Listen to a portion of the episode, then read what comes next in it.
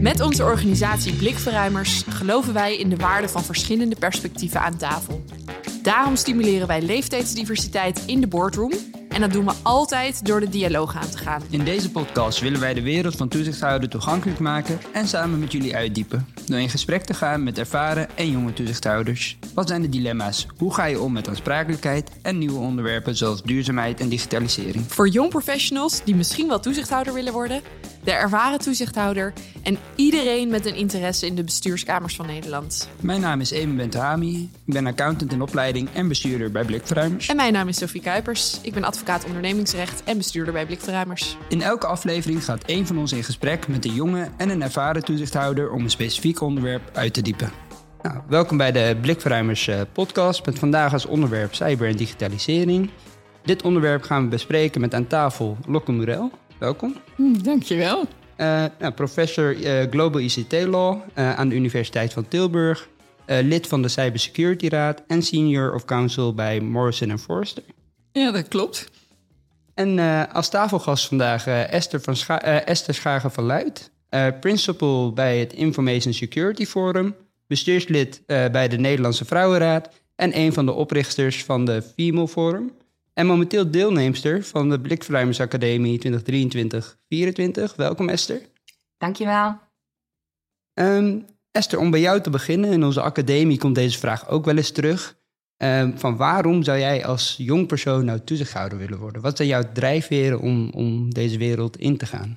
Ja, ik denk dat toezichthouder een bijzonder vak is, waarbij je alle problemen die een organisatie kunnen raken met beperkte informatie en een groep mensen die je niet dagelijks ziet moet oplossen met het oog op de beste uitkomst voor alle stakeholders. Dus in mijn ogen is dat bestuurders Champions League. En regelmatig zien we toch dat er situaties aan het licht komen waarbij de bestuurders en de toezichthouders uh, niet op een verantwoordelijke wijze hebben gekozen te handelen. En ik denk dat dat laat zien dat er nog voldoende ruimte voor groei en professionalisering in het toezichthoudersvak is. Um, er komen nu allerlei Europese wetgeving op bestuurders af, daar gaan we het vandaag ook over hebben. Maar in het kader van digitale ethiek, cybersecurity en ESG uh, waarvan maar een klein deel van de Nederlandse bestuurders kaas gegeten heeft. En na een consultingcarrière en een eindverantwoordelijkheid voor cybersecurity te hebben gehad in een groot bedrijf, heb ik dit jaar mijn pijlen gericht op mijn kennis hierover te delen binnen de bestuurskamer. Blikverruimersacademie, die zich richt op het klaarstomen van de toezichthouders van morgen, is onderdeel van dat plan om ook de bredere kenniseisen van toezichthouders in mijn arsenaal te hebben. Uh, en met mijn sterke morele kompas, begrip van risico's en passie voor ESG en diversity and inclusion hoop ik een significante impact te kunnen maken op bestuurlijke landschap in Nederland. Kijk, mooi. Um, en Lokke, jij bent uh, uh, nou, betrokken bij grote organisaties op het gebied van cyber en, en digitalisering.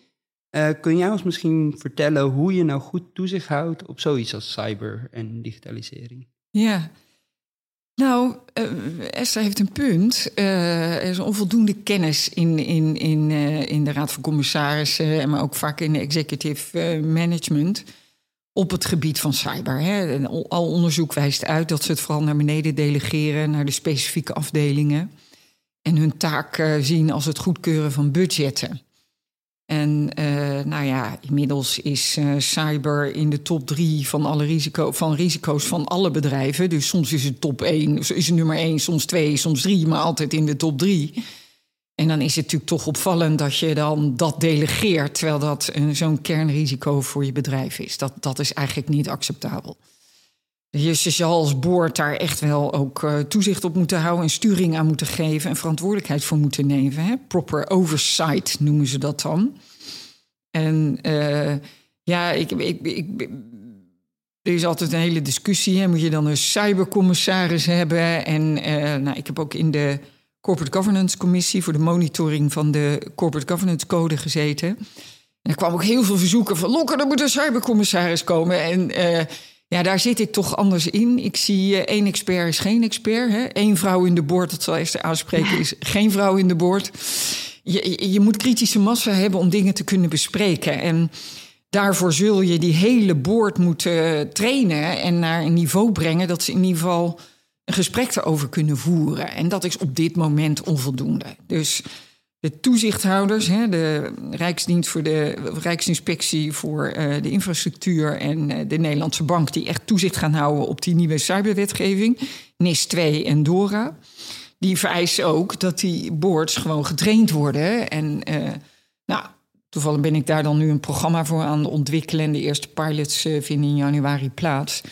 Maar dat, dat, dat vergt wel meer dan één iemand met wat expertise. Dus we zijn daar echt nog onvoldoende uh, klaar voor. En of om daar goed invulling aan te geven. En, en dat is niet alleen in Nederland. We zien dezelfde uitkomsten van onderzoek in Engeland, in Amerika. Gewoon nog onvolwassen. En dat is de reden waarom die wetgevers in Europa zo losgegaan zijn met, met nieuwe wetgeving. Om gewoon te zeggen: dan zullen we wel zorgen dat het jullie zaak is. En um, nou, om vast de voorschot te nemen. Ze zeggen zelfs daar dat uh, het bestuur zelf aansprakelijk is. Dus Normaal is het bedrijf aansprakelijk als er iets misgaat. Maar nu zijn ook de individuen aansprakelijk. Dat is een uh, doorbreking, hè, piercing de corporate view van aansprakelijkheid. Mhm.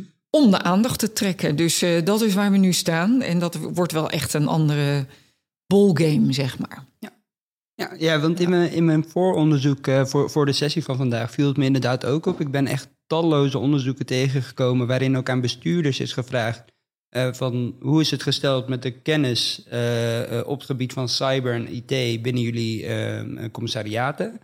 Ehm, nou, dat was in alle onderzoeken vrijwel onvoldoende. en zoals je zegt, het is altijd een van de top drie risicogebieden. Maar hoe komt het dan dat dat, dat balletje niet is geland of dat, dat, dat ze er zo weinig mee doen en dat dat nog steeds zo is? Nou, het is gewoon een technisch onderwerp en een moeilijk onderwerp. En je ziet dat heel veel eh, commissarissen, die natuurlijk toch wat ouder zijn en, en minder digitaal, dat ze denken, nou, ik verdiep me voor mij part in duurzaamheid. Of, maar er is altijd wel één onderwerp wat ze denken, nou, dat doen anderen dan wel. En, hmm. en, en dat is heel vaak cyber, omdat het gewoon uh, vrij technisch is. Nou helpt het ook niet dat degene die die onderwerpen dan behandelen, de, de CISO's, de uh, Cyber Information uh, Security Officers, dat als die in de boord komen, die we hebben een speak die nogal technisch is. En als ik daarbij zit, dan zie je gewoon in twee seconden... begint die CISO te praten en uit te leggen. En in twee seconden zie ik al die ogen van die boordleden glaze over en af, afhaken. Er zit gewoon een heel groot verschil in...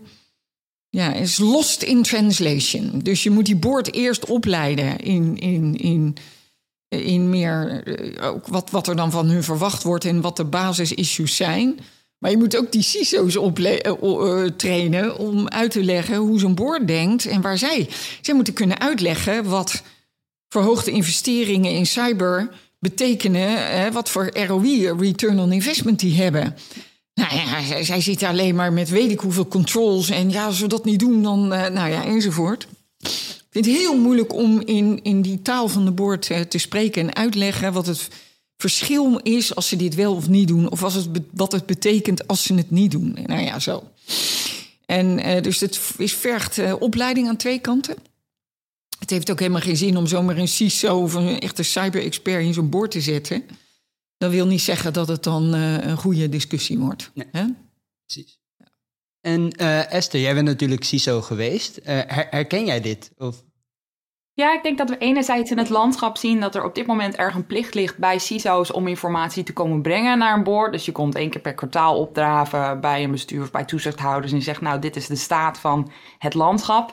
Uh, en dan heb je een half uurtje en dan ga je daarna weer weg en je spreekt elkaar een kwartaal niet als het even tegen zit. En die dynamiek, die zou ik graag meer veranderen. Ik denk dat de aankomende wetgeving daarbij helpt, dat dat extra impetus geeft in dat er niet alleen gebracht wordt, maar ook deels gehaald wordt uh, en dat het hoger op de agenda komt staan daarmee heb je natuurlijk wel lokkerspunten te pakken. Dan moet iemand dan ook nog zo'n plek binnenkomen en dat uitleggen in begrijpelijke taal. Um, waar we erg mee worstelen binnen cybersecurity. We zijn er niet uniek in, maar het is wel tekenend voor onze industrie. Is dat wij natuurlijk eigenlijk heel blij zijn als er niets gebeurt. Maar dat is een hele moeilijke return on investment. Uh, want je zegt, nou, ik heb miljoenen geïnvesteerd in dit. We hebben allerlei dingen gebouwd en geregeld en er is niets gebeurd. En daar zijn we heel blij mee. Maar we weten niet zeker of er niets is gebeurd omdat we al die dingen hebben gedaan. Of omdat er niets is gebeurd omdat niemand interesse had om ons aan te vallen. Uh, of als er wel iets gebeurt, of dat. Uh, hè, of er dan veel miljoenen meer hadden moeten investeren om dat te voorkomen. Of dat dat toch wel gebeurd was. Dus de, de casus om aan bestuurders uit te leggen: dit is wat je erin stopt en dit is wat je ervoor terugkrijgt, is heel moeilijk te maken. Ja, Nou, daar heeft Esther een punt. En, uh, maar wat, wat uh, het is in verhouding een ongelooflijk jong gebied. En uh, heel veel van de best practices en hoe je daarmee omgaat, die, zijn, die worden nu uitontwikkeld. En um, dat maakt gewoon van hoe rapporteer je aan een boord en wat moet een boord weten om goed oversight te doen.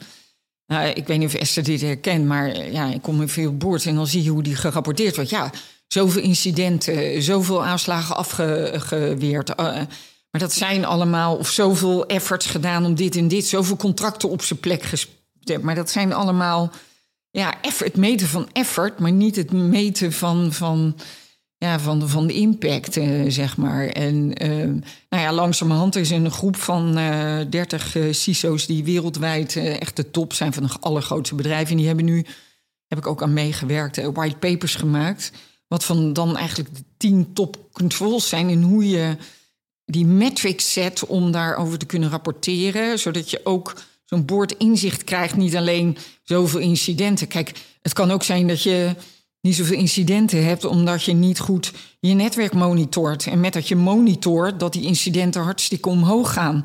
Wat een good thing is, weet je. Mhm. En boards willen altijd graag alles groen. Nou, mijn ervaring is, als je goede metrics zet, dan zijn ze totaal niet groen. En dan moet die board wennen aan het feit dat je daar progressie gaat maken, maar dat het helemaal niet all green is. Nou, daar krijgen ze enorme stress van.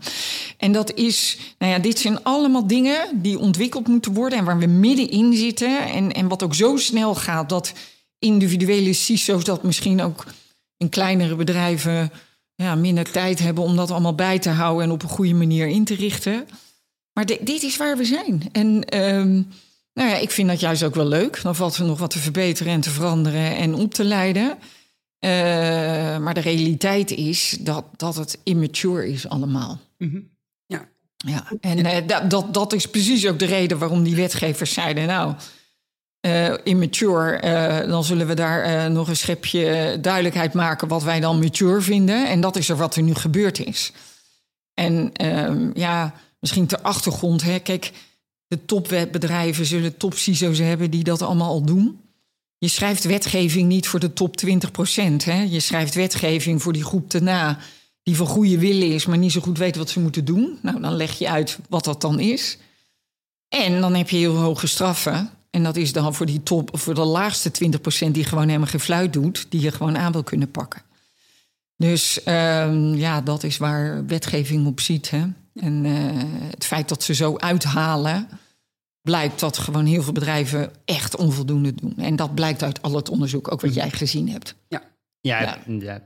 En uh, nou, we hebben het nu al een paar keer over de, de nieuwe wetgeving gehad die er, die er aan zit te komen. We hebben ons, uh, nou, een vast docent in ons programma, Bernard Nieuwensteeg, ja. Uh, hebben wij gevraagd voor een, eh, voor een stelling. En Bernard is medeoprichter en head of strategy van, bij Crossover. Ja. En oprichter van de Cybersecurity Boosters. En hij heeft de volgende stelling voor ons. Ja. Uh, de nieuwe cyberwet, NIS 2, uh, is vaag over de uitvoering en naleving. En bovendien eist de wet veel papierwerk van bedrijven. Hij denkt dus dat de nieuwe cyberwet NIS 2 echt een juridisch moeras veroorzaakt. Door de grote onduidelijkheid omtrent de naleving van deze wet en de uitvoering van deze, uh, van deze wet, met name richting de leveranciers. en dat de toezichthouder ook echt duidelijk moet, moet maken en duidelijkheid moet geven om een debakel zoals bij de introductie van de Algemene Verordening Gegevensbescherming te voorkomen. Ja, Esther, wil jij daar eerst of zal ik gaan? Zeg jij het maar. Uh, nou, ik denk wat we zien met de wetgeving die er nu aankomt vanuit Europa, niet alleen NIS 2, maar ook alle andere stukken van wetgeving die er nog aankomen. Niet alleen op cybersecurity, maar ook wat ik zei, digitale ethiek. Um, die wetgeving is goed. Zoals Lokke zei, niet iedereen houdt zich braaf aan wat wij allemaal denken dat het juist is om te doen. Er zijn altijd een groep van bedrijven, organisaties die eigenlijk niet de juiste dingen doen. En daarom hebben we dat stuk wetgeving nodig. Uh, en ook dat we eenduidig hebben wat er eigenlijk wordt verwacht. En dat mensen daar niet continu hun eigen interpretatie aan geven. Uh, dan is het wel belangrijk dat de wetgeving heel duidelijk is over wat er wordt gevraagd. Um, en wat ik denk dat ook een van de uitdagingen is, is dat het nog een wet is, nog een stuk regulering. Um, en we hebben binnen onze industrie altijd een verdeling tussen security en compliant. Als je compliant bent, ben je niet per se secure. Als je secure bent, ben je hopelijk wel vaak automatisch compliant. Maar die dingen zijn niet per se hetzelfde. En dat is ook altijd een belangrijk gesprek om te hebben met het bestuur. Waar richt je pijlen op? En niet de vergissing maken dat zolang we compliant zijn, we ook per se veilig zijn en nooit zullen worden gehackt. En wat we natuurlijk wel met deze wetten en regulering hebben, is dat er dus nog een stuk wetgeving voorbij komt waar mensen inderdaad documentatie moeten opleveren, bepaalde controles op bepaalde manier moeten uitvoeren. En dat haalt wellicht een deel van de aandacht weg bij het daadwerkelijk secure zijn. Het daadwerkelijk doen van de technische dingen, de processen volgen, de mensen opleiden om die dingen te doen om het bedrijf daadwerkelijk te beschermen. Dus daar zit mijn worsteling met dit stuk wetgeving. Ehm, dat ik denk, oké, maar houden we nog wel tijd over om de dingen te doen die er ook moeten gebeuren om daadwerkelijk ons vak uit te voeren? En niet alleen bezig zijn met het laten zien dat we papiertjes hebben en dingen hebben gedaan om maar die wetgeving af te vinken. Ja, ja ik zit er totaal anders in, merk ik. Eh, dus dat eh, is wel leuk. Uh, ik kijk wereldwijd en dan zie je dat er wereldwijd allerlei standaarden zijn voor gewoon goed security risk management. En je ziet bedrijven die niet zo'n standaard hanteren. Nou, dan weet je zeker dat je niet compliant bent of niet, maar ook niet goed risk management programma hebt. Je ziet bedrijven met heel veel overnames die er wel zes verschillende hebben. Nou ja, mijn punt is, als je hè, wereldwijd in Amerika komen exact dezelfde regels. Dit, dit wordt een goed security risk management programma wordt een vereiste wereldwijd. En uh, dat moet je gewoon implementeren. Als je dat implementeert, ben je, uh, weet ik veel, 90% compliant overal in de wereld. En dan zal er nog een exoot zijn in Australië, dit of dat veist. Nou, dan plug je dat daar op nog. Het punt is, als je die security risk management uh, frameworks als je dat gaat omschrijven wat je dan moet doen, dan zegt zo'n wet, nou, je moet een goed security risk management programma hebben. Daar zetten ze dan niet bij, nou, je moet NIST volgen of je moet ISO volgen. Dat mogen die bedrijven zelf verzinnen.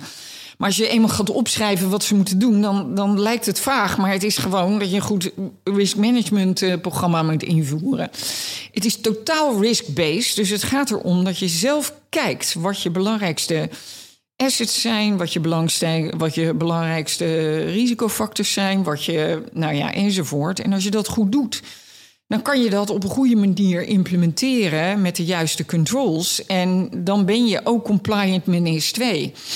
Als je gaat zitten kijken naar, heb ik eh, de andere kant benaderd van heb ik een papiertje hier, papiertje daar. En uh, vergeet om uh, goede risk management keuzes te maken en die ook te implementeren ja, dan, dan mis je de clue. Maar dan, dat komt dan meer door de mentaliteit in het bedrijf om naar een wet te kijken en vinkjes te zetten, dan naar de intrinsieke motivatie om gewoon goede risk management op zijn plek te zetten, waardoor je ook compliant bent. En uh, wat we wel zien is dat uh, Freddy de Zeur en ik hebben gewerkt aan die papers. Hè? Hoe doe je goed metrics zetten voor. en het blijkt gewoon als je de tien specifieke metrics en controls implementeert. En die zie je terug bij de NCSC, maar ook de Franse NCSC, de Duitse NCSC, het Nationaal Cybersecurity Center. Die zeggen allemaal, nou, dit zijn de top 10 controls. Nou, en Microsoft heeft uitgevogeld, als je die top 10 doet, dan ben je 95 of nog meer procent uh, beveiligd en compliant. Dus ik, ik, soms vind ik ook dat iedereen het allemaal ze hebben gewoon geen goede risk management. Dan gaan ze naar de wet kijken en dan zeggen ze: ja, dat wordt een tick-the-box exercise. En denk ja, waar was je goede risk management in the first place? Dan kan je zeggen, ja, meer mature mensen in organisaties kunnen dat. En dat is het echte probleem, is dat heel veel bedrijven gewoon uitbesteed hebben, zelf er niet over nadenken. En dat is weer de reden waarom die wetten komt. Dus kortom, we zitten in een immature situatie. Ik bestrijd dat de AVG uh, zoals Bernard uh, zegt, uh, totale chaos heeft geleid. zeker voor kleine bedrijven. Maar ik zie de grote bedrijven hebben. Is dat de trigger geweest om een goed global risk management voor privacy op te zetten? En toen ze klaar waren, zei iedereen: Nou, we vonden het echt verschrikkelijk. Nooit meer. Hè? Maar we weten nu waar onze systemen staan. We weten welke data we hebben. We weten welke suppliers we hebben. En eerlijk gezegd waren we daarvoor totaal in de dark. Nou, dat geldt hier ook. Het idee dat je niet weet waar je assets zitten... en dat je daar niet een inventory voor hebt... is toch in deze tijden wel bizar. Ja. En dan komt de toezichthouder naar binnen die zegt: Waar staat je spullenbon? Dan zegt Nou, weten we eigenlijk niet. Welke suppliers heb je? Ja, weten we eigenlijk niet. Wat zit er eigenlijk in jullie software? Ja, dat weten we eigenlijk niet. En dan heb je zo'n eh, Log4j-issue. En dan moeten ze eerst. Is het een totale crisis om te kijken welk stukje software dan waarin zit? Ja, die tijden. Het zou niet meer zo moeten zijn. Dus ik zeg niet dat het niet veel werk is. Maar het is ook wel apart dat dit je top drie risico is en dat je geen idee hebt waar je systemen staan. Zo, dat ik dit even gezegd heb. Ja, Ja. ja, dus vervelend, maar wel broodnodig. Om het kort samen te vatten. brood nodig. Ja. En ehm, misschien voor de... Ik voor- wel leuk als Esther daar even op reageert. Ja, Esther? nee. ehm, brood nodig, inderdaad. Ik denk, hè, waar ik mee worstel is, als ik kijk naar eh, mijn vorige rol, waarin ik dan CISO was voor een bedrijf, is dan heb je een, een team aan mensen. Je hebt een beperkte hoeveelheid tijd met die mensen. En onze industrie is een industrie met wat schaarste op de arbeidsmarkt. Zeker een bepaalde set van skills eh, is het niet makkelijk om de juiste mensen te vinden. En waar ik dus wel mee worstel met deze wetgeving, is dat er dus nog iets bovenop komt op al die dingen die je al met je team aan het doen bent. En het zijn dezelfde mensen die meer en meer werk aan het doen zijn. En daar, zeker bij een wat meer volwassen organisatie, eh, leg ik dan de vraag neer van oké, maar hoeveel wetgeving kan daar nog bovenop komen? Want we doen inderdaad deze dingen al. We hebben een risicomanagementprogramma. Eh, alleen in aanvulling op de dingen die je vanuit gezond verstand zou moeten doen, komen er ook een aantal eisen bij op eh, bepaalde responstijden, op een bepaalde manier eh, stakeholders informeren over wat er aan de hand is. En dat is wel extra werk waarvan ik denk, ja, hoe lang kan mijn team dit nog aan eh, zonder dat het te veel wordt? Heel erg kijken naar het welzijn. Het is natuurlijk al een industrie, eh, zeker als je aan de incident response kant werkt, waar het een wat spannende baan kan zijn, een drukke baan kan zijn, veel adrenaline. Eh, en dus het welzijn van de mensen in die teams, dat is wel iets waarmee ik zeer begaan ben. Ja, nou dat herken, dat herken ik zeker. Kijk, NIS 2, eh, NIS 1, we zaten geloof ik 400 bedrijven of 600 bedrijven, nou ik weet niet meer precies, maar zo'n soort aantal vielen daaronder. En nu met NIS 2 wordt dat, ja, ik hoor aantallen, eerst was het 8, toen 10.000, toen nu zitten ze aan de 14.000 geloof ik. Eh, maar ja, dat is ook onze publieke sector die absoluut kritisch is. Dus dat die daar niet onder vielen, was eigenlijk eh, in mijn ogen een godspe eh, onder NIS eh, 1. Dus ja, daar, dat die moeten opschalen en dat beter moeten doen. Maar dat moeten ze ook doen. Ze doen het ook op dit moment onvoldoende. Dat er een tekort is aan werknemers, dat, dat, dat zie ik. Eh, en, en daar moet een ja, reskilling, upskilling eh, plaatsvinden. Daar zitten we in een beetje in een catch-22. Want, eh, en dat wordt ook echt gesignaleerd door de Cybersecurity Raad en, en, en, en ook door de overheid. Is ja, al die bedrijven die willen, eh, eh, die kijken dan naar de universiteit en die willen dan dat je iedereen eh, kant-en-klaar opgeleid met een strik eh, voor de deur aflevert, zodat ze gelijk inzi- inzetbaar zijn. Terwijl ik zie dat de universiteiten het moeilijk vinden om mensen die zo in een, in een gebied, wat eigenlijk voor een groot deel ook in de praktijk ontwikkeld wordt, while we speak. Begrijp je? Het is het ontwikkelen van best practices op de vloer. Dus ik zie dat je daar alleen kan goed kan opleiden als de mensen die ze daar hebben in die bedrijven ook komen lesgeven en dat dat samen met de wetenschap wordt gedaan. En, eh, en nou komt het allerbizarste. Daar heb je dus eigenlijk een bottleneck in, in opleiders. eh, Wat weer een, een bottleneck is om, om, om het aantal professionals omhoog te brengen.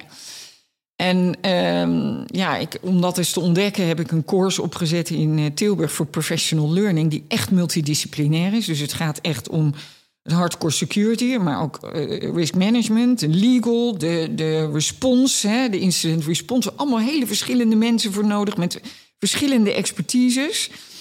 En eh, nou, de CISO's van ASML, van Philips, van Signify, van KPN, die geven daar samen met de eh, eh, hoogleraren en, en andere professionals les. Maar nou komt die, nou moeten ze natuurlijk mensen sturen om meer mensen in hun bedrijf te sturen. En dat doen ze dan niet, want ze zijn al zo druk. Dus het is ook een call op die bedrijven om te zeggen: oké, stuur dan mensen die misschien uit een andere discipline komen naar die course, zodat er ook meer mensen in je eigen bedrijf zijn. Maar eh, dus die bedrijven gillen om mensen, maar zijn niet bereid de mensen te sturen om opgeleid te worden eh, en de tijd daarin te besteden en de en de en de en hè, ook eh, de kosten daaraan of de investering daar te doen. Dus ik, ik, er zit wel een stukje ergernis voor mij ook. Dat als het dan opgezet wordt, dat die bedrijven dan zeggen: ja, we zijn te druk om iemand te sturen. Ja, dan, dan, dan heb je op een gegeven moment zelf ook een verantwoordelijkheid om dat probleem op te lossen. Hm. Dus bij deze echt een oproep om ook je toekomstig leiders, uh, leiderschap hè, voor CISO's. Daar is die course precies voor bedoeld, hè, om die strategische beslissingen te kunnen nemen. Maar dan moet je ze ook wel sturen en die investeringen doen. En uh, nou ja, het is wat Esther zegt. Hè. Ze zijn al overloaded. En dat begrijp ik allemaal wel. Maar het is heel korte termijn denken door dan niet in je eigen workforce te investeren. Ja, ja, ja zeker. Ja, zo ligt de kaart hè, op het moment. Het is een heel lastig uh, op te lossen issue op dit moment. En dus daar heeft Esther zonder meer uh, gelijk. En er zijn ook allerlei extra liabilities nu ook in Amerika. De CISO van SolarWinds wordt vervolgd door de SEC. Je zag uh, de CISO van Uber. Je ziet dat heel veel CISO's die echt wereldwijde verantwoordelijkheden hebben... totaal onder druk staan, totale chaos in hun eigen organisatie hebben... en dan ook nog persoonlijke exposure hebben op dat niveau geen uh, verzekering kunnen krijgen voor DNO, omdat ze niet op executive level werken. Daar wordt ook aan gewerkt. Maar ik zie dat uh, de appetite om die rollen te vervullen ook wel echt naar beneden gaat. Moeten we ook wat aan doen. Ja. Zeker. Hoe, hoe zie jij dat? Merk jij dat ook, Esther? Ja, ik sluit me daarbij aan. Het is uh, uh, als iemand die de rol heeft vervuld, een ontzettend leuke rol, een hele dankbare rol. Je kunt bijzonder veel impact maken in de organisatie, maar het is ook een hele zware rol. Um, je ziet ook dat CISO's vaak niet lang in hun rol blijven, dat er eh, best wel een burn-out risico op de loer ligt. Um, dat het, again, een hele competitieve industrie is waarin deze rol moeilijk te werven is. Dus als een CISO weggaat bij een organisatie, dan duurt het heel lang voordat je daar een goede CISO terug hebt. Um, en dat is gewoon, ja, dit zijn wel de mensen die die teams moeten leiden en sturing geven. En inderdaad de brug moeten slaan naar de bestuurders en de toezichthouders. Um, want daar zitten ze ervoor. Maar de rol inderdaad, ook als je kijkt naar de US. Maar daar zijn ze niet goed op getraind, hè Esther? En dat maakt, terwijl ze ineens wel allerlei uh, exposure, legal uh, exposure ook hebben. En, en, en dit, maakt, dit maakt het een... Uh, ze hebben vaak ook nog niet de paygrade die, die bij die verantwoordelijkheden, waardoor ze bijvoorbeeld uh, de IT, zeg maar de verantwoordelijkheden voor, verantwoordelijke voor IT, hè, de CIO bijvoorbeeld, dan de afweging maakt over wel of niet investeringen in security en, en op die manier uh, ze niet in, in, in positie zet, hè, maar, maar daar zit echt een conflict of interest. Dus het zit vaak ook in de governance die frustrerend is voor CISO, zie ik. Nou, kortom, we zijn er gewoon nog niet. En, uh, maar door, ik moet lachen door die wet. Uh, vloekt iedereen dan over. Maar wordt ineens de governance goed bekeken? Gaat ineens de board zich ermee bemoeien? Waardoor er, ik, ik, ik, waardoor er heel veel in beweging komt. Dus daar zie je toch dan dat wetgeving, hoe moeilijk ook, wel een, een, een knuppel in het hoenderhok is om, om dingen te veranderen. Nou, als ik dan de parallel mag trekken naar mijn uh, bestuurdersrol bij de Nederlandse Vrouwenraad. We hebben natuurlijk ook wel eens discussies over vrouwenquota en of dat een goed plan is of niet. Maar daar geldt het ook een beetje voor als net met deze wetgeving. Ja. Uh, ja, als dat er eenmaal is, dan zie je wel dat dat een bepaald deel van het landschap in beweging brengt. En dat er dan wel dingen veranderen. Dus uh, ja. of het wenselijk is of niet, daar kunnen we een lange discussie over hebben. Maar... Nou, zelfs als het niet perfect is is het een, stap vooruit. En dat is wat ik probeer. Je kan wel blijven hangen in. Niet alles is perfect duidelijk, niet alles nee. Je, je, je zal met je eigen expertise een goede risk management inschatting moeten maken. En ik zie dat dat heel snel meer mature wordt. En dan ook naar de, terug naar de oorspronkelijke vraag van Bernard over hè, de handhaving en hoe dat met de AVG is gegaan. Um, ik, zie dat, hè. Ik denk dat de handhaving op dit soort wetten naar de toekomst toe, ook gezien uh, de beperkte hoeveelheid uh, bemensing die we daarvoor hebben best lastig kan zijn. Maar dat je niet op alles en op iedereen meteen vanaf dag één kunt handhaven, betekent niet dat we het niet zouden moeten proberen. Ik heb vaak het idee als we die stap zeggen en zeggen: dit is het juiste om te doen en dit is niet het juiste om te doen. Uh, dat dat kenbaar maken aan de wereld en zeggen: dit is hoe het hoort, dat dat stap één is. En dat dan die handhaving later volgt als we de bemensing en de praktijk en de processen op orde hebben. Uh, dat is dan maar een stap twee. Ja, liever vanaf dag één, maar dat kan niet altijd als een, een wet nieuw is. Nou, kijk naar die AVG. Hè. Het is nu hoeveel jaar? 2018 dat die echt uh, van kracht werd. En nu komen per week bijna een, uh, een, uh, een hoe heet het, een decision van de European Court. Hè, die ook hier. En nu, dat is nu pas. En, en die handhaving duurde jaren voordat dat op stoom kwam. Ik zie de RDI ook zeggen: joh, als we gelijk moeten handhaven, dan hebben we iets verkeerd gedaan. We zijn bezig met iedereen in, in zijn kracht te zetten. En uh, kijk, als je niks doet, ja, dat is wat anders. Maar als je een goed effort maakt om dit op een goede manier in te vullen, zou je de RDI meer als een steun en helpunt en, en guiding zien, dan dat ze nou gelijk gaan handhaven. Um, maar dat, dat, dat zal op een aantal jaar wel volgen. Een waarschuwing wel is dat ik zie dat iedereen denkt dat die NIS 2 die moet nog omgezet worden in een Nederlandse wet. En nou, dat is dan allemaal nog onzeker. En uh, nou, dan weten we niet wat we moeten doen. En uh, we hebben niet genoeg tijd dan daarna om te implementeren. En dat is echt best wel onzin. Uh, die, die, die ruimte om af te wijken in Nederland van de NIS 2 Directive, de richtlijn, is heel beperkt. Dat gaat over welke toezichthouder krijgt welke bevoegdheden. Dat is niet alleen de RDI, maar ook sommige vallen onder het energieagentschap of tot, hè, weet je wel zo. Dus dat zit hem niet, maar de echte materiële vereisten zijn totaal vast. Daar valt helemaal niet af te wijken. Dus je kan heel goed nu beginnen. Dat, dat, daar is niks verder voor nodig. Dus het idee dat je moet wachten op een Nederlandse implementatiewet. Echt, doe het niet. Doe, begin nu, want anders ben je te laat. En dat argument van ik wist niet wat ik moest doen, is echt, ja, dat gaat niet houden. Dus, uh, en doe je dit nou omdat je beter beveiligd wil zijn... of omdat je een tik in de box voor NIS 2 wil hebben? Ik, ik daar, dat dat mm -hmm. ergert me dan ook wel, uh, eerlijk gezegd kan ik me wat bij, kan ik me wat bij voorstellen. Cyber en cybersecurity is namelijk is de ruggengraat van je organisatie. Als er wat fout gaat op cyber, dan ben je nog verder van huis. Dus... Ja, er is geen enkele reden om te wachten met implementeren op het materiële eisen. En uh, als je het niet goed weet wat je moet doen, ga met een groep bedrijven die zelf uh, hè, in je. Zijn allerlei uh, Isaacs, allerlei informatie waar ze kennis delen bij Brainport, bij de haven, bij. Nou joh, er is zoveel informatie al beschikbaar over wat je moet doen. Als je aarzeling hebt, val ik eronder of niet, heeft de RDI nu een toeltje om te kijken of je erin valt.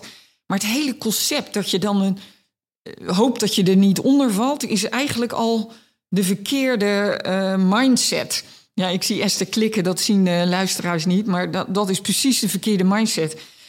Kijk, als jij nog klanten wil hebben, als je een bedrijfje bent wat werkt voor al die bedrijven die daaronder vallen, zou je eenzelfde beschermingsniveau moeten hebben, want zij zijn verantwoordelijk dat hun supply chain daaronder gaat vallen. Dus als je goede zaken wil doen, moet je gewoon zorgen dat je security op orde is. En het idee, haha, ik val er niet uit. En dat vervolgens daarna iedereen denkt, nou, wat is je security dan? En volg, hè, ben je wel heb je wel de goede certificeringen. Kan wel eens een comp competitive disadvantage eh, zijn, uh, om het zo maar even te zeggen. Dus um, um, ja, ik, ik, ik, ik weet het niet. Uh, ik zit daar echt anders in. Ja. En Esther, je, knink, je knikt al instemmend, maar uh, wil jij hier nog op reageren of wat op aanvullen? Nou, ik denk dat uh, de vraag die bestuurders vaak stellen is, zijn we in control? En dat is een hele terechte vraag, maar tegelijkertijd ook een moeilijke vraag om te beantwoorden. Um, en ik denk waar dit soort wetgeving wel hebt, te zeggen, nou dat deel, die vereisten, die hebben we in ieder geval onder controle. Als je het hebt over cybersecurity, dan wat we wel onder controle hebben, is dat we vaak begrijpen hoe ons risicolandschap eruit zien. Wat voor dingen we proberen te beschermen. Wie ons probeert aan te passen, uh, pak, uh, aan te vallen. Als we uh, hebben besloten dat we bepaalde risico's zien, dan zie je vaak in organisaties dat er een programma loopt om bepaalde gaten te dichten of dingen te verbeteren om die risico's te verlagen. Dus dat is vaak het gedeelte wat wel in controle is en wat je heel goed aan bestuurders kunt uitleggen. En, en NIS 2 en de vereisten die daarin vallen, is dan een ander item op de agenda waarvan je zegt: ja, dat hebben we gedaan, dat komt goed. Uh, en waar we dan vaak niet in controle zijn. En dat vinden bestuurders heel vervelend om niet die garantie te krijgen is: ik kan niet zeggen, we worden nooit gehackt. Dat kan ik niet beloven. Hoeveel geld je ook investeert, hoe groot het team ook is, ik kan het niet beloven dat dat nooit gebeurt. En dus dat is het spanningsveld waarbij je, ja, uiteraard ja. met bestuur. Maar is om daar wat aan toe te voegen. Ja, om daar wat aan toe te voegen. Ik heb eh, wereldwijd dan eindeloos eh, die crisisrespons uh, gedaan. En dan zie je eigenlijk dat een goed crisisrespons plan, het trainen daarvan, het doen van table oefeningen met dat plan. En dat die eigenlijk juist daarvoor, hè, want het is zoals het zegt, eh, zoals ze zegt, dat ze binnenkomen op een gegeven moment is een gegeven. Dan is de vraag, hoe resilient ben je dat je daar uh, op kan reageren? En dan zie je de factoren waar het uiteindelijk altijd misgaat. Die kan je oefenen en op voorbereiden. En, en dat het eigenlijk ja, net als met een brand of wat dan ook, dan ben je gewoon voorbereid. En heb je hè, je, je, brandweer en je plannen klaar liggen die je moet oefenen. En dan beperk je heel veel van de schade. En dat is dan ook uh, dingen die, die op, de, uh, op, op de lijst staan van dingen die je moet doen. En dat zag ik bijvoorbeeld in onderzoek in Engeland. Het blijkt dan dat nog geen 10% van de bedrijven. Uh, uh, dit oefent. Nou, dan weet je, ja, mijn ervaring is, als je het niet geoefend hebt, is het één grote chaos. En de grootste les uh, is uh, dat, dat er veel te veel cooks in de kitchen zijn. Dan gaat de CEO er zich nog mee bemoeien als het een groot incident is. Nou, die is de laatste die aan tafel wil hebben om dit, deze crisis te bezweren. Die moet je als escalatie hebben om nog afstand te hebben en bepaalde beslissingen te nemen. Nou, al dat soort lessons learned, die, die zitten in die plannen. En uh, ja, daar is nog een wereld te winnen om, uh, om bedrijven beter voor te bereiden. En wij als blikverruimers, wij, wij streven natuurlijk om, uh, om de volgende generatie klaar te stomen om straks goede toezichthouders te, te gaan worden. en onze luisteraars zijn jonge toezichthouders, mensen met interesse in toezichthouden. Wat zou je die beginnende toezichthouders nou willen adviseren als zij straks in zo'n RVT of in een RVC zitten en iets moeten vinden van cyber uh, en de ja. cybersecurity? Nou, ze zullen er echt wat van moeten weten. Al was het maar omdat de oude garde gewoon minder digital uh, uh, minded is en daar minder digital savvy, moet ik zeggen. Dus uh, op zijn minst moeten ze daar echt wat van weten. Het gekke is, als je te veel subject matter experts hebt, weet je, die heel diep gaan, dat je voor je het weet zit je je tegen de operatie aan te bemoeien, wat ook niet de bedoeling is als toezichthouder. Hè? En uh, een NIST-framework heeft uh, zo een paar honderd controls, terwijl je eigenlijk naar de tien kerncontrols moet gaan. Dus het je ziet dat CISO's die op de vloer zijn, door de bomen vaak ook moeilijker eh, op de kerndingen uh, kunnen ja, meedenken, adviseren, toezicht houden. Dus je moet er echt je in verdiepen. Maar het is echt niet nodig om zelf een CISO te zijn om, om een toezichthouder te kunnen zijn. En als je een CISO bent en je wil wel toezichthouder, moet je je heel breed oriënteren, andere skills uh, developen om, om niet in die valkuil te vallen. Dat je, ja, het is net als een jurist. Je wil op, op zich geen jurist in je, in je, in je toezicht.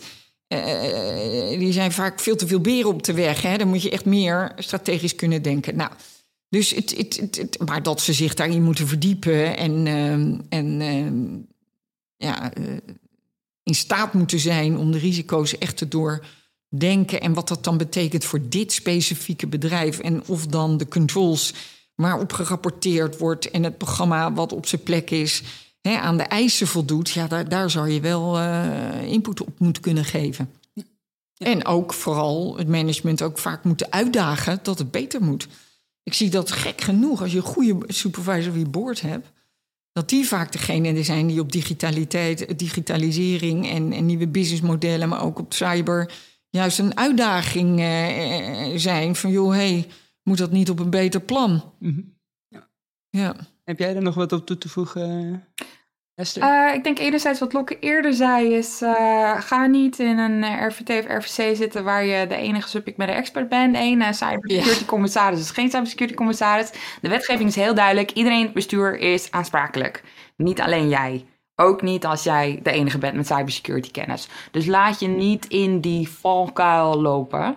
Um, en daarnaast denk ik, tenzij je onderdeel van een hele grote raad bent waarin je die luxe kunt permitteren, is het dus voor iemand zoals ik, die vanuit cybersecurity afkomstig is, belang om een bredere toegevoegde waarde te hebben voor zo'n bestuur of zo'n raad. Dus ik kan niet zeggen, ja, luister, ik ben van cybersecurity of ik ben van IT en voor de rest heb ik eigenlijk geen mening. Uh, dus ik denk dat als je uit dat veld komt, dat je dan ook je, je portfolio aan onderwerpen moet verbreden. Een stukje financiële kennis, risicokennis ligt voor de hand natuurlijk. Um, maar dat je meer toegevoegde waarde hebt dan alleen het stokpaardje zijn van cybersecurity of IT. Ja, inderdaad. Ehm, en zien jullie daarin ook, want cyber en digitalisering is een onderwerp waar jongeren natuurlijk veel mee te maken hebben. Ze zijn echt opgegroeid met IT. Ehm, nou, we, ehm, de generaties van nu die, die zijn opgegroeid met de iPads, de computers, et cetera. Zien jullie een rol weggelegd voor jongeren in het toezicht op, op, op cyber? Nou, ik, ik, ik denk dat. eh, ehm, ja, het is. Ja, zeker. En eh, ik denk sowieso diversiteit is goed in een boord. En dat daar ook jongeren bij zitten die weer anders naar de wereld kijken. En zeker ook op het gebied van eh, sustainability. eh, dat dat een echt een toegevoegde de waarde kan hebben. Aan de andere kant zie ik ook wel weer dat je, als je zulke jongeren in je, in je boord opneemt, dat die misschien wat meer onboarding nodig hebben. En wat is dan die rol? En, en, en, en eh, ja, die hebben weer niet die, die, die weet ik hoe lange ervaring vaak die bedrijven hebben. Dat je elke fout die je maakt, daar leer je van. En daar word je betere toezichthouder van. En als je 30 jaar minder ervaring hebt, heb je minder 30, 30 jaar minder fouten gemaakt. En minder.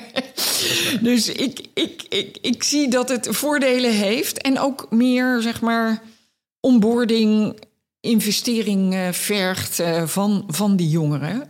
Maar ik denk dat het wel de moeite is om die investering te doen. En die jongeren zullen zelf ook een investering moeten doen. Zoals Esther nu jullie opleiding volgt. Dus is een fantastisch opleidingsprogramma bij INSEAD. Maar ook bij Nijrode, bij TIAS, bij nou, Erasmus. Ehm, dus eh, ja, dat is de andere kant. Hè? Dat je leert wat, wat, wat dan een, wat, dat het echt een andere rol is. En eh, ja, je moet ook wel van een bepaalde hout gesneden zijn. Ehm, hoe moet ik dat zeggen? Als je jonger bent dan. eh, ik weet nog bij mijn eerste toezichthoudende rollen dat ik echt dacht: ik zit hier aan de verkeerde kant van de tafel. Hè? En, en ja, eh, vind je het leuker om een expertrol als adviserend aan een boord te hebben? eh, waar je hen traint op die onderdelen? Of vind je het leuk om in die boord zelf te zitten waar ook ja, heel veel dingen aan de orde komen die minder je belangstelling hebben? Of, ehm, dus het, ja, je moet voor je. Het is een soort iets van oh, het hoogst haalbare is in een raad van commissarissen zitten. Maar ik zie dat voor alles een, eh, een tijd en plek is eh, eh, in het leven. En ehm, ja, nou ja. Wil jij er nog wat aan toevoegen, Esther? Ik denk dat jongeren het voordeel hebben dat ze op een bepaalde manier digital natives zijn, opgegroeid met technologie. Dus ook als er iets nieuws uitkomt, zoals ChatGPT, dan wordt dat heel snel omarmd. Ik denk wel dat jongeren misschien wat vaker de valkuil hebben eh, in dat ze daar meer mogelijkheden in zien dan risico's. En ik denk dat juist ook de rol vanuit een raad is om te zeggen: ho, stop. Is dit echt een goed plan? Is dit het juiste? We zien kansen natuurlijk, eh, maar moet dat op een bepaalde manier gekaderd worden? Eh, en dus daar zou ik als hè, relatief jong persoon ook bij mezelf goed over nadenken van zie ik zowel de kansen als de nadelen van het in gebruik nemen van deze technologie voor mijn bedrijf. Nou, we kunnen hier eh, denk ik eindeloos over, over doorpraten. Absoluut. Dus, eh, heel interessant allemaal, er komt veel aan. Eh, spannende tijden, maar daarmee ook uitdagend. En eh, nou, we zien volgens mij allemaal een rol voor jongeren weggelegd in, eh, in de toekomst. Dus ik wil jullie hartelijk, eh, hartelijk bedanken voor jullie tijd en jullie expertise. En ehm, ja, ik hoop jullie, eh, ja, Esther zie ik terug in het programma en ik hoop Ja. jou in de toekomst ook lokken. Heel graag gedaan. Esther, heel veel succes, hè? Ja, dankjewel Lokke. Hartstikke leuk om gesproken te hebben. Goed zo. Hoi, hoi. Hoi.